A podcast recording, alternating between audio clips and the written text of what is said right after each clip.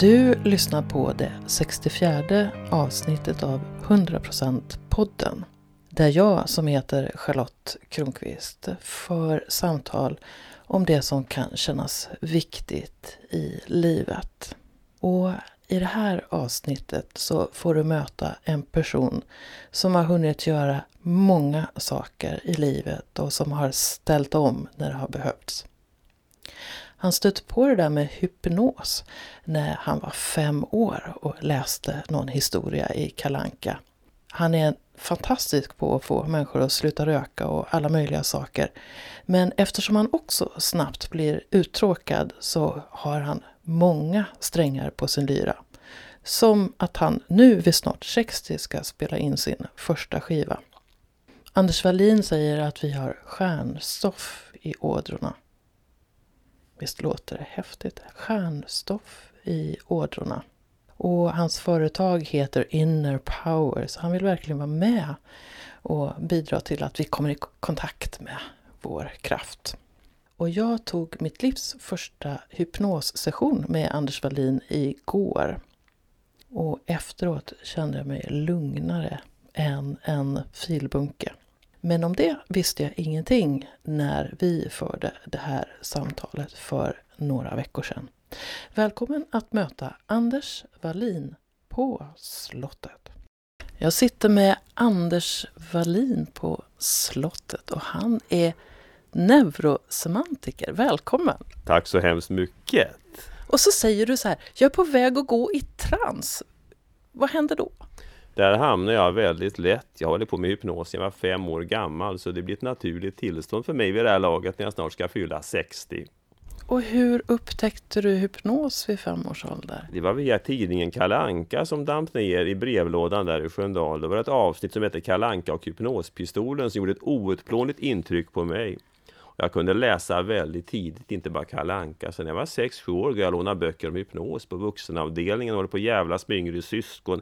Blev helt hopplös i skolan sen. Jag skulle nog fått en diagnos vid det här laget om det varit på 2000-talet mera. Så jag har hållit på med hypnos alldeles för länge. Men det roar mig. Ja. Är det mer än roar? Det är väl det jag ska hålla på med. För jag märker fantastiska effekter eftersom jag arbetar som hypnosterapeut. Mm. Jag har inte varit med om en hypnos session sådär så jag, jag har varit med om någon sån här regressionsterapi. Då kanske man blir... Då hamnar man rejält i trans, man går bakåt i tiden. Jag hade en sån session här i söndags här med en dam från Göteborg. Då körde vi fem timmar i sträck, timeline-terapi och rensade både här och där. Det var ganska intensivt. Och vad hände med dig som ledare? Jag är mör som smör efter fem sådana timmar, det kan jag säga. Och det är starkt, yes. Mm, så då är jag väldigt uppkopplad. Jag håller verkligen rummet. Mm. Så hon kan göra en sån här inre resa och rensa gamla negativa emotioner, begränsande beslut, konstiga kopplingar och präglingar. Ja, rensa och röja. Stortvätt med centrifug ungefär. Ja, det är starkt. Är det som att, att man gör en slags eh, inre tvätt? Ja, bokstavligen. Du tar bort en massa plack på hjärnan skulle jag kunna se det som. Du sa ju nu neurosemantiker och för mig har ju semantik med språk att göra. För mig har semantik med betydelse och mening att göra. Jag är egentligen NLP-utbildad, neurolingvistik, men jag har utvecklat genom att gå utbildningar för Michael Hall som just är neurosemantiker och har skrivit 50 böcker i ämnet dessutom. Så här tittar man på betydelse, mening och det man gör här i världen, att få de sakerna att samverka. För om du bara presterar utan att känna mening, det är ett fantastiskt recept att bli utbränd. Om du bara känner stark mening och inte gör ett jävla dugg, då blir du ett flumhuvud. Så att kunna kombinera det där så att du gör saker och känner det här är betydelsefullt, det här ger mig någonting, jag känner stark mening mening, intention, syfte, då mår man ganska jävla bra vågar jag påstå. Så att hjälpa människor att komma dit med de här teknikerna jag lärt mig, det tycker jag är det mest fascinerande jag hittat hittills. Mm. Och vad är det för verktyg du då använder? Det är processer och tekniker som sätter igång just de här funktionerna. Neurologin i hypnos, där går du ner i trans. Du sänker din hjärnvågsfrekvens för att trigga det undermedvetnas resurser som är ansenliga. Med de här neurosemantiska teknikerna går det faktiskt i andra riktningen. Det är en upptrans. Du ökar hjärnvågsfrekvensen, känner starkare mening, betydelse, blir väldigt klar. Det är så det blir väldigt hög och väldigt ja, there in the moment samtidigt. Så att ja, det är en annan riktning för att komma i trans helt enkelt. Jättespännande. Nu är hon i trans. det syns på dig! jag får ge mig lite tror jag. ja, men jag tänker när man, när man gör en sån här om, omprogrammering, Yep. stannar den kvar? Det kan ge dig 17 på. Alltså jag ger mig inte för jag har tagit bort negativa emotioner och kopplingar totalt. Vi testar det. Därför håller på i fem timmar så att personen är övertygad om att nu blev det en rejäl förändring. Nu är skiten borta ur systemet. Yes. Mm. Så det är ganska intensivt och de får förbereda sig ganska grundligt innan också. Träna självhypnos, fylla i formulär, gräva i förflutna så man ska kunna rensa bort komposten ordentligt sen. Ah, så det är inte bara att komma och lägga sig på en soffa? Och Jag så... vill helst träffat personen innan, även om de kommer från Ockelbo eller Kiruna eller norra Finland. Annars har vi haft en Skype-kontakt så att de har gjort en förstrukturering. För det där är ganska ingående. Det är inte det första jag gör med en klient, utan jag vill gärna etablera en relation när man gör en sån rejäl inre resa. Det blir bäst så. Så den här damen har ju laddat i två år för det här och liksom tvekat och haft det. Ska jag åka? Ska jag inte åka? Ska jag åka? Kan jag åka? Ja, det bara en resa det också. Mm. Sen nämnde du innan vi slog på här eh, en annan grej som du gör lite på fritiden som du kallar för kaosmagiker. Jag har ju undersökt den andliga dimensionen i väldigt många år. Det där med ritualmagi började jag titta på när jag var nio år. Jag var ett väldigt konstigt barn tror jag. Yes. Så det har jag utforskat grundligt. Jag ser det som tillämpad kvantfysik. Så det, det är ett inkluderande sätt att arbeta med energier helt enkelt. Där man tar tillvara olika traditioner och det som är funktionellt för att uppnå intressanta resultat. Mm. Kan du konkretisera? Alltså du kan alltså plocka saker från olika andliga traditioner för att komma till de nivåer, tillstånd, utvecklingsnivåer du vill komma till som du tycker är intressant och funktionellt i ditt liv.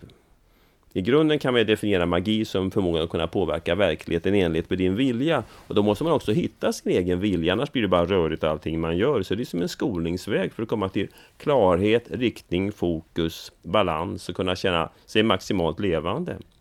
Och då kan man säga ceremonier och ritualer och traditionella tekniker. Så jag har utforskat allt från voodoo, shamanism, de vediska systemen, traditionell elementarmagi och så vidare. Jättespännande. Mm. Och hur mycket praktiserar du liksom på dig själv? Om du inte praktiserar saker på dig själv har du ingen nytta av det. Yes, så det här finns ju med i min dagliga tradition. Jag börjar varje morgon med att göra yoga, meditation, självuppnåelse, omprogrammeringar för att sätta mig själv i ett maximalt bra tillstånd. Men när ska jag jobba med klienter som mår apdåligt flera timmar i sträck, då är det bra att jag mår bättre än dem innan de kommer och håller det tillståndet, för annars blir det ganska rörigt. Så det ser jag som ungefär som att borsta tänderna. Gör man det en gång om året så händer det inte så mycket. Man måste göra det regelbundet. Så jag är ganska disciplinerad av mig. Du får, du får ju då möta många människors programmering i ditt jobb. Yep. Hur gör du för att den inte ska liksom fastna i dig? Dels så sätter jag mig i ett tillstånd, jag har en väldigt hög positiv energinivå. Och dels så rensar jag med olika tekniker och ceremonier och ja, processer efter varje klient. Så att jag liksom klirar mig själv.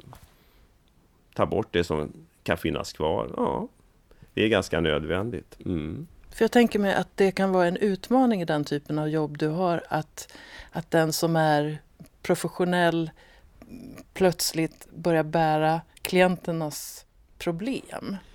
Eftersom jag jobbar mycket med chock och trauma, skulle jag bära med mig det, då skulle jag gått av på mitten för länge sedan. Så där, där ser jag till att ha strategier så jag undviker att bära med mig allt det. Annars skulle jag fått lägga av med det för länge sedan. Jag har hållit på i 17 år med det här nu och haft snart 6000 klienter. Så ja, det är spännande. De som kommer till dig, är det så att de har ett alltid så här, eller ofta ett klart tydligt trauma? Eller kan man komma bara för att ja, livet känns lite sådär och jag skulle vilja göra någonting? Det är ju allting från åttaåringar som har svårt att sova, pensionärer som mister en anhörig och gråter utav attan, folk som vill sluta med heroin, cigaretter, spel. Ja, det kan vara allt du kan tänka. Få bättre självförtroende, vinna den där tävlingen, få det fungera bättre på jobbet, relationsknas, ja, you name it. Om jag bara skulle jobba med rökavvänjning skulle jag bli väldigt uttråkad, så jag öppnar dörren för alla som dyker upp. Har du lätt att bli uttråkad? Jag gillar omväxling. Haha, det var klurigt! Därför är det ett spännande jobb, för jag träffar alla sorters människor. Du menar alla sorters människor.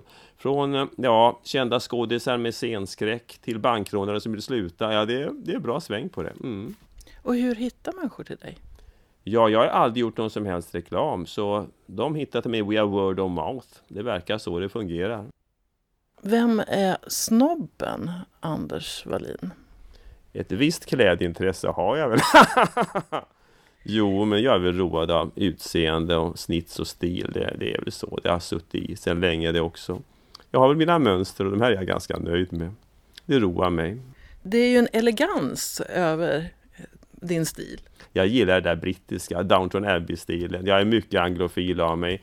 Jag ska till England nu här om 14 dagar, till Glastonbury faktiskt. Det, det är trevligt. Du har något litet märke här på kavajslaget. Det där är symbolen för kosmoeniopsykologi, den konstigaste utbildning jag gått för en ukrainsk professor som heter Albert Ignatenko. Det är ett långt kapitel för sig. Och jag tycker den är så fin den där lilla gyllene sheriffstjärnan, så den fick pryda kavajen idag. Jaha, så det är inte en sån här varje dag grej som du Nej, har? men den matchade slipsklämman så bra tyckte jag. Ah. Oh la la. Och sen så har du ett gulligt örhänge också. Ser du vad det är för någonting? Jag tycker det ser ut som en hjärna. Ja, det är min enda reklamskylt faktiskt. Jag jobbar ju med hjärnan. Det kanske är min riktiga hjärna, kanske är tomt här inne. Vad vet jag? Eller också är det reservhjärnan, men visst är den fin? Ja, det var jättefin. En del tror att det är ett ollon, de får väl tro det då. Projektioner. Vilken tur att jag svarar rätt. ja, annars blir det ett helt annat samtal. Mm. Freudianskt värre. Det är ett mycket sexigare organ tycker jag personligen, men det är ju min egen bild. The mind is an interesting place. Hur är ditt mind då? Det är väldigt eh, varierat och kreativt och alert och ibland väldigt, väldigt no mind också. Jag har mediterat dagligen nu sedan 1977 så oftast är det ganska blankt här inne och det är väldigt skönt. Just nu har jag lite uppehåll med, med meditation. Jag tror att det är bara för att jag håller på mycket med kärlek, så jag gör kärleksmeditation istället för traditionell. Men det, för mig var det så att det kunde vara, om jag satt en kvart eller 20 minuter så kanske det var tomt en liten, liten stund bara. Men den lilla stunden var väldigt skön. Hur, hur länge kan du ha tomt? När jag började, den besatta djävulen som jag är, så körde jag 6 till 8 timmar om dagen. Olika meditationer. Jag Klockan tre på natten och jag Nadja Brahma. Jag gjorde alla möjliga tekniker, medveten vandring på stan, gå in i alla möjliga tillstånd. Så jag har övat upp min förmåga att bli väldigt påtänd och väck i skallen och ha kontroll samtidigt. Så ja, jag är ju lätt att koppla upp mitt transtillstånd. Jag har ju ankringar för det, för jag har gått en NLP-utbildning. Så ja, sån är jag. Sa du Nada Brahma? Ja. Yeah. Så du gör en del aktiva meditationer, eller har gjort mycket aktiva? Jag är Osho Sanyasin, jag heter ju Anand Abhinava också. Och vad är utmaningar för dig nu för tiden? Ja, just nu ser det som en utmaning att jag ska spela in en skiva om tre veckor i studio för första gången med mitt band. Det känns spännande. Hur kommer det att bli? Mm, det visar sig nog. Och vad är det för slags musik? Det är min egen musik med mitt band Exorcisterna. Det öppnar ju för, för många. På vilket sätt är ni exorcister? Jag ser det som att jag gör samma sak där som jag jobbar som terapeut. Jag driver ut onda andar från scen. Så det är ganska starka berörande texter. Det är ett jävla röj. Jag har en shaman på bas som är blodsfogd i Sörmland för övrigt. Jag har en reggae-trummis på percussion, Joseph Rowe, väldigt duktig. Så det är slagverk, inte trummor. Och det är jag på gitarr och sång. Men vad spännande. Hur, när kom du på det här att du kunde använda musiken? Jag älskar ju musik och 2001 så hade jag min första bandsättning. Jag har spelat överallt, från andliga festivaler till kriminella mc-klubbar ska du veta. Så det är min lilla säkerhetsventil. Ja, och nu blir det en platta. För det har så mycket låtar så nu ska det ut. Mm. Vad spännande. Jag tänkte på det här att du går in, när du säger mc-klubbar så ja. tänker jag att det kan vara en farlig miljö och sådär. Hur, hur förhåller du dig till fara? Jag har varit lite varstans i mitt liv så jag är ganska van vid det mesta skulle man kunna rama in det. Men hur, hur hanterar du, eh, om vi säger att du är på ett ställe, kan du känna av att det är farligt och vet du hur du ska förhålla dig? Jag är bra på att läsa av. Jag har också tränat mycket kampsport, karate, filippinsk kampkonst. Så jag är ganska alert av mig och föga nojig. Skulle det vara någonting så vet jag att jag kan hantera situationen så det blir lugnt och bra. Så sån är jag. Det är så härligt för du har så här, typ som ett snabbt svar på på det mesta? Är det så du är liksom? Jag tänker faktiskt väldigt lite, utan jag låter bara svaren komma ping som jag kanaliserar från dunkla källor. Så funkar jag. Och det låter väldigt övertygande som jag tänkt igenom det innan, men det är föga genomtänkt. Men det är väldigt klara svar. Ja. Ja. Då ska jag göra en liten test här med Gör dig. det du. Vad är kärlek? Det är för mig en hög form av andlighet. Det är liksom att uppgå i bliss. Det är det bästa som finns kan jag nog tycka. Mm. Är kärlek riktat till eller mot någon speciell person eller är det...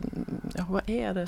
Jag tycker nog om att ha en riktad kärlek till speciella personer. Det tycker jag är väldigt nöjsamt och även härligt.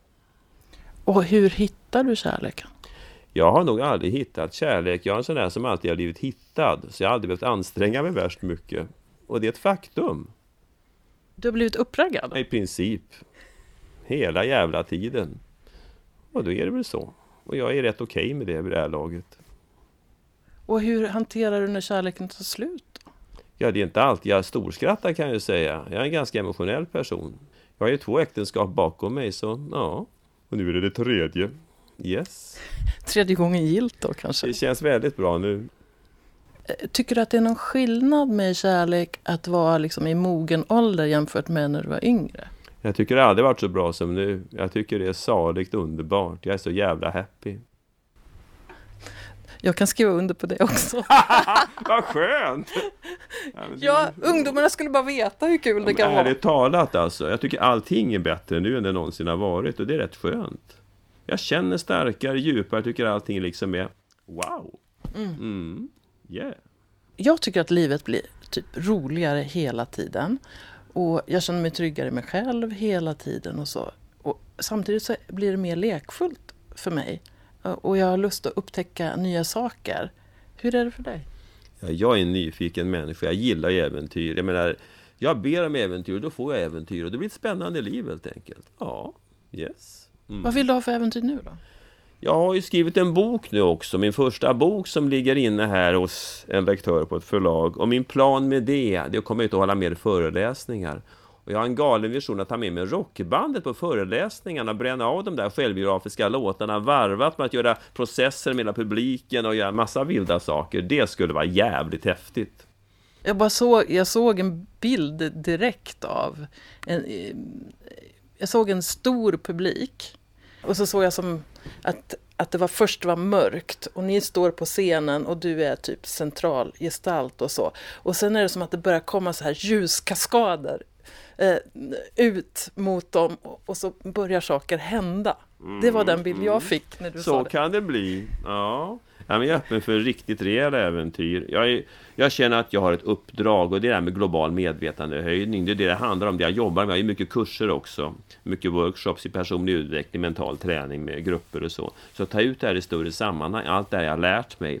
När jag har sett så mycket transformation med dessa tusentals människor. Det är mycket case stories i den här boken. En kombination av självbiografiskt material, hur man gör processerna på sig själv och det jag sett jag har sett riktiga mirakelvändningar. Så jag känner mig väldigt inspirerad. Jag vill föra ut det här i ett sammanhang som blir väldigt inspirativt och transformativt. Och det känns som utmaning. Liksom, dags för detta, fas 3 liksom. Ja. Säg någonting mer om det här med, med global medvetandehöjning. Från vad till vad och vad, vad, vad ska uppnås? Liksom? Ja, det, det, vi ser nu är en global medvetslöshet tycker jag överlag här här i västvärlden. Så det behöver ju verkligen ske väldigt påtagliga förändringar i människors sinne, relation till sina kroppar, sina behov och allting. Yes, det behöver göras jättemycket och jag är beredd att göra vad jag kan för att bidra till det. En utmaning som jag har haft det, det är att när jag pratar om eh, sex och relationer och andlig koppling och allt vad det nu kan vara, det är att jag möter från många rädsla och avståndstagande och ofta eh, att man missförstår det och tycker att jag är konstig och så. Och jag tycker att det jag säger är helt eh, normalt och jätteviktigt samtidigt.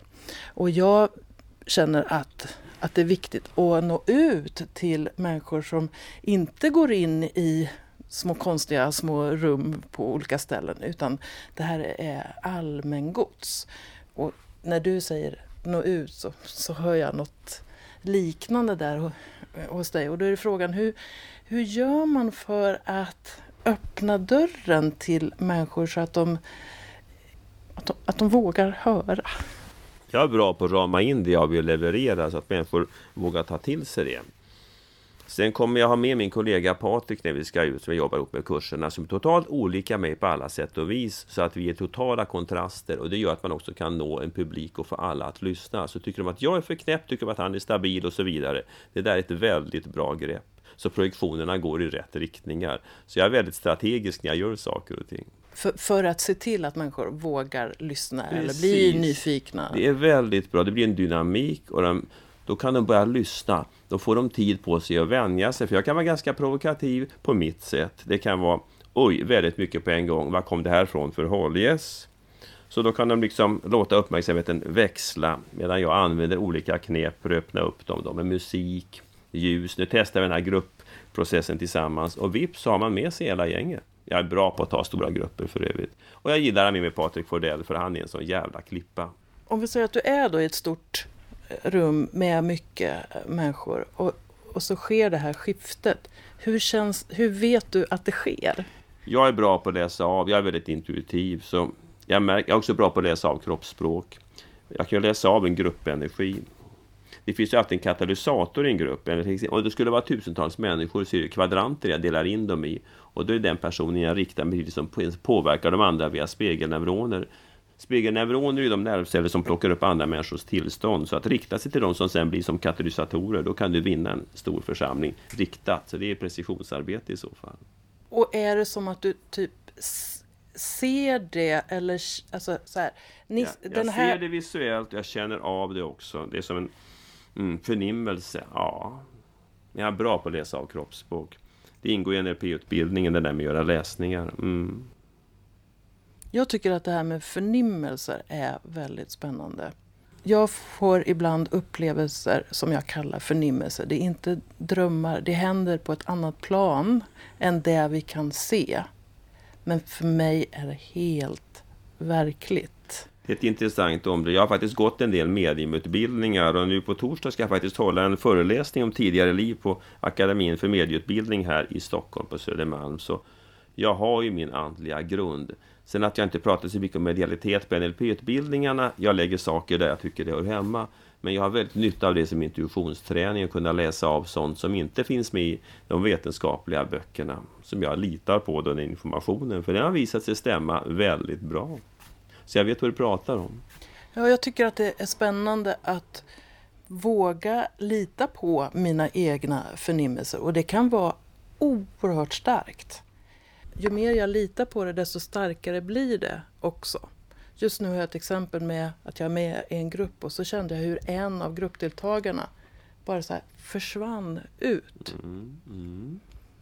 Och, och nu känner jag hur, hur den personen är på väg in igen. Men det var som att hon hade inte sagt något. Ja, nu sa jag hon. Ja, hon hade inte sagt något. Ja. Men ändå var det som att, att jag kände, det kändes nästan som fys, jag, jag förnam hur, hur hon bara för, försvann. Precis, det är så det fungerar. Ja, yes. Mm. Att Men, lita på den informationen. Mm.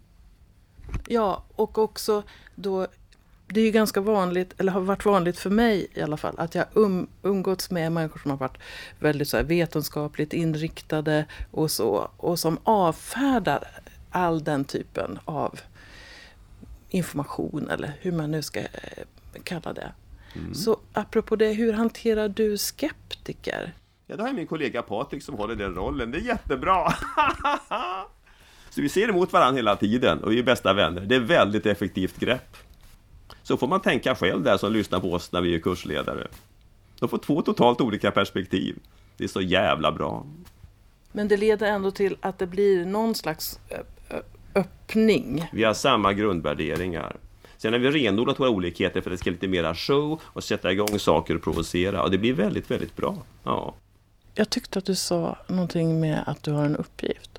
Ja, jag har ett högre uppdrag ser jag det som. Ja. Vem har gett dig det?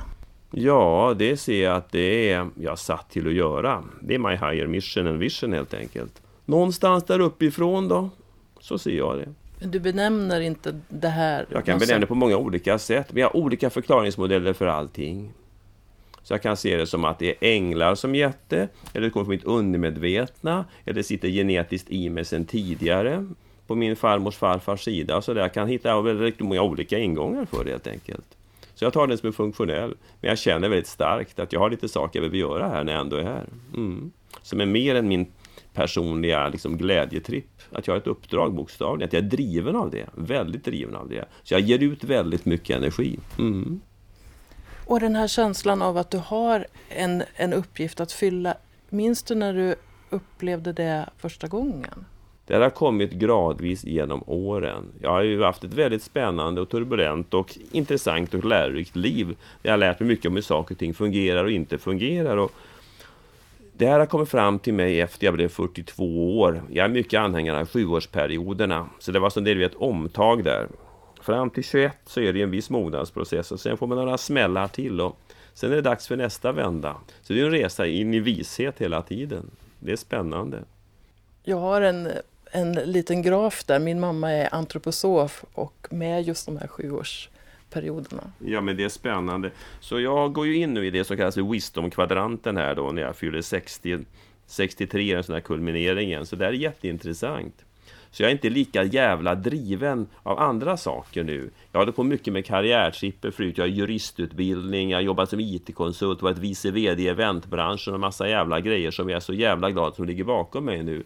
Så nu gör jag någonting som är på ett helt annat plan, som är en transformation, medvetandehöjning, förändring verkligen av saker och ting på en helt annan nivå. Som jag är väldigt driven av, väldigt värvad av. Mm, som motiverar, inspirerar mig, berör mig jättestarkt. Jag hade känslan jag som barn visste att jag var här för, för att göra, göra någonting eller vara någonting. Men sen var det som att jag tappade bort det under massa år. För då var det tid för att skaffa familj och barn och, och så. Och sen så när den fasen var över, det var ungefär vid 42 års ålder också, så var det som att jag blev påmind om, men du är här för att göra någonting. Och först fick jag lite panik så här.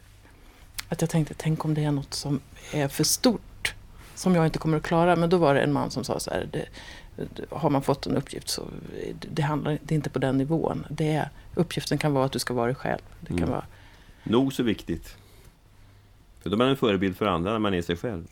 Det som började min resa, det var en person som sa var dig själv.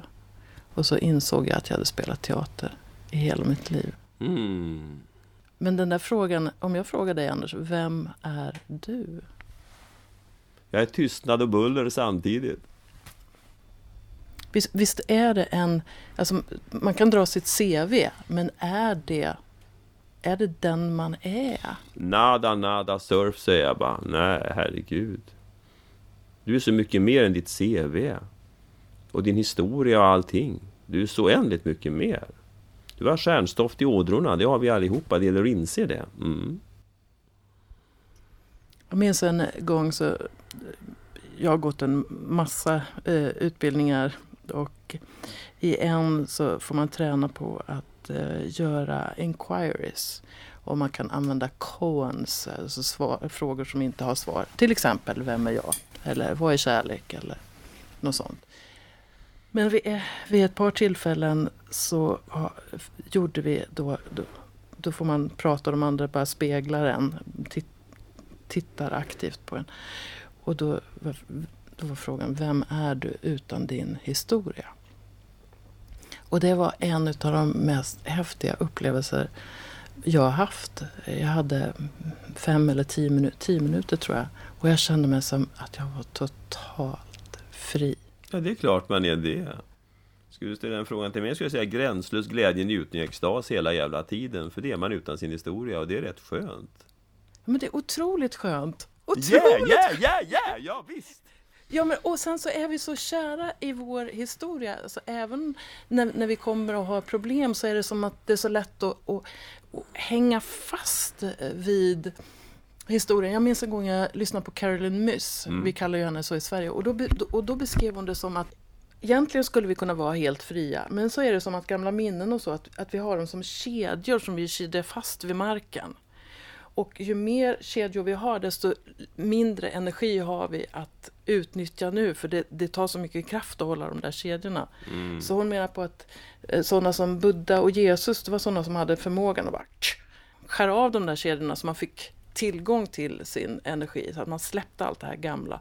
Är det lite så, sånt du också gör? Eller? Det är därför jag jobbar med timeline-terapi med klienter, för där klipper du de där jävla kedjorna bakåt. Det är karma clearing, det är erase and rewind. Richard Bandler brukar säga som skapat NLP It's never too late to have a happy childhood Och det bästa med det förflutna är att du kan lägga det bakom dig permanent För det är där du hör hemma och jag gillar det synsättet I endorse that, yeah, yeah, yeah jag brukar citera Carolyn Myss i en av hennes böcker när hon berättar hur hon kommer till något ställe, hon ska hålla någon föreläsning och så kommer det fram en människa och säger så här Hej, jag är ett incestoffer. Mm. Och hon bara eh, Hej, jag heter Carolyn. Så du erkänner inte att jag är ett incestoffer? Jo, men jag brukar hälsa med mitt namn, så vad heter du? Och det hon vill få fram det är att, att vi kan vara så kära i våra Etikett, identitet är bland de allra mest vansinniga skapelserna. Jag är mycket för avidentifiering, verkligen. Att släppa verbet är, för det låser dig. Det ingår mycket i neurosemantiken. Michael Oll har skrivit böcker på e-language som undviker verbet är. Att det är avidentifiering hela tiden i språket, för språket skapar vår inre struktur. Så att öva på att undvika ordet är, verbet är en hel vecka och lägga märke till hur mycket du sätter färdiga etiketter på dig själv och annat hela jävla tiden. Det är ett sånt slaveri alltså. Så jag gillar avidentifiering. Yes, då blir du blank i skallen. Det är spännande för, för ibland så, så tänker jag så här att jag är och sen ingen följd. Mm. Det blir på ett sätt. Det är ett sätt att bli blank. Annat är att du gör saker. Du kan göra nya saker hela tiden. Du kan alltid göra någonting annat. Så allt du gör, det är det du blir. Dina beteenden. Och då kan du välja andra saker att göra. För du har valfrihet när du ser det. Yes, enorm valfrihet. Men vad är det som gör att vi så håller fast vid det här? Är det för att vi tror att det ger oss stadga i tillvaron eller vad, vad kan det vara? Vi blir påminna om det hela tiden i allt som vi blir matade av utifrån. Med alla dessa diagnoser, etiketter, färdiga bilder, labels. Du är fascist, du är moderat, du är hiphoppare, du har ADHD. Alla dessa jävla etiketter som krymper allting. Jag vet att jag om, ibland när jag försöker medvetandegöra en del saker att jag säger att jag undviker att säga jag är journalist istället jag jobbar som journalist. Det är rätta vägen. Då påminner du dig själv om vad du håller på med.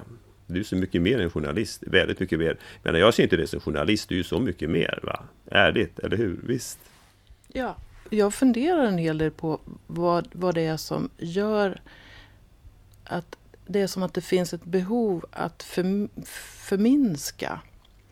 V, vad är baksidan utav det? Vad, vad är det man inte vill se? Du får ett förkrympt liv på kuppen, det är en sak som är säker. Och du stoppar undan allt som inte finns plats för där. Så det får ett eget liv och bitar i nackskinnet och gör dig galen dessutom. Yes. Om man då släpper begränsningen, alltså vad är det, vad är det läskiga med att vara mindre begränsad eller vara fri eller hur man ska uttrycka det. Jag ser det som att man får träna på det. Träning, träning, träning. Bli bekväm med det och komma ut ur komfortzonerna. Jag har levt ganska icke-konform typ hela tiden. Så jag är ganska van vid det här laget. Och då blir man inte allas lilla vän och so what. Jag kan inte ens stava till kompromiss. Jag stavar det med zeta.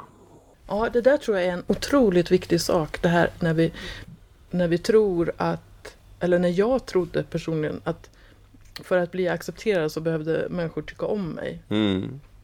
Och sen så när jag började se så här, jaha, men varför ska jag bli omtyckt av den här personen när det innebär att jag inte är mig själv? Precis! Jag älskar ordet You can't please everyone, so you better please yourself and really please yourself. Yes.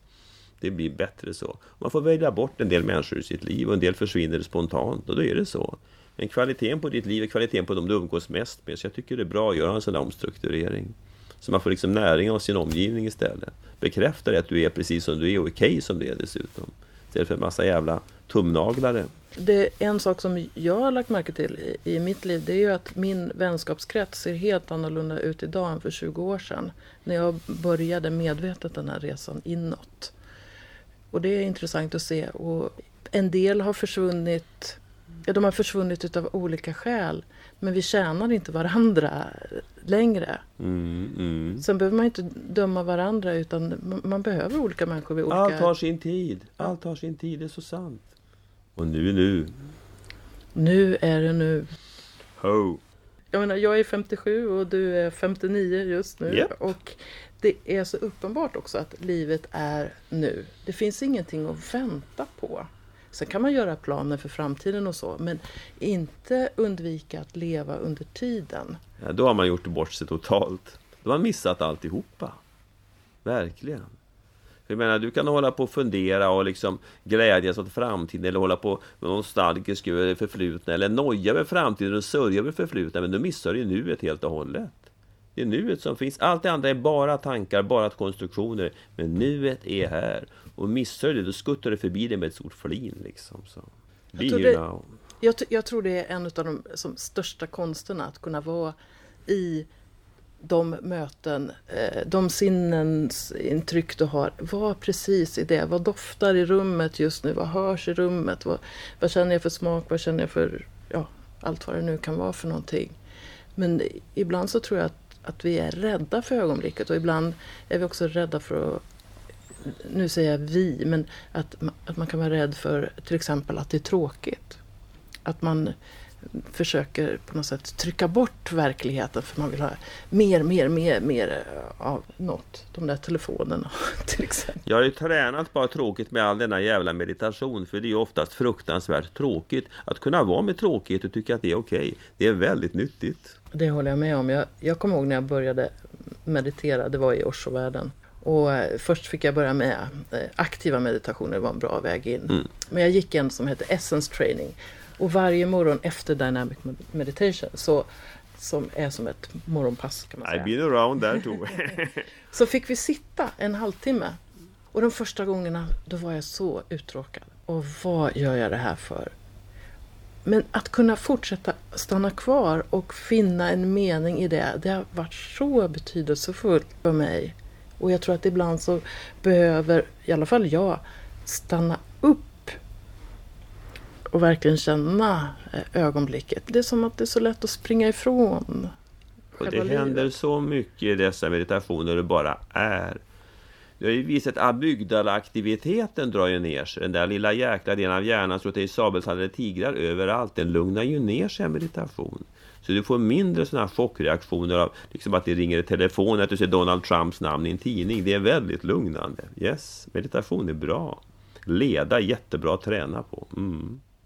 Om vi tänker oss att en person som lyssnar på det här är helt upptagen av det som hände igår eller det som kanske händer imorgon. Vad skulle kunna vara en första liten practice som den personen skulle kunna göra för att komma hit hem? Att sätta sig ner och blunda och bli väldigt medveten om sina fötter. Bara bo i fötterna en liten stund oavsett att det snackas jättemycket upp i huvudet. Och sen långsamt gå in i fingrarna den ena efter den andra och räkna till tio och vara helt närvarande i varje finger. Hur konstigt det än kan låta, som att man bor i fingrarna. Och räkna till tio och bara är i fingrarna, alla tio fingrarna. Jag lovar dig, det blir väldigt, väldigt lugnt i skallen helt plötsligt. Det tar ungefär fem minuter. Och det kan vem som helst testa. Tack Anders Wallin för att du kom till slottet idag. Varsågod. Ja, vad händer om du lägger märke till dina fingrar och dina fötter? Kan du skapa det där tomrummet inuti dig? Annars kan du ju testa hypnos hos Anders Wallin. 100%-podden är ju mitt helt egna projekt och du får gärna vara med och sprida kunskapen om att 100%-podden finns. Till exempel genom att gilla 100%-poddens sida på Facebook, prenumerera på podden eller stötta den ekonomiskt på ett sätt som passar dig. Men jag är ju inte bara en person som skapar poddar. Jag coachar också kring relationer och sexualitet och den 22 april så har jag en hel dag som heter Lekfull tantra i Stockholm. Det finns några platser kvar. Gå in på min hemsida charlottekronqvist.org så kan du se mer om det. Ha en härlig dag. Hej!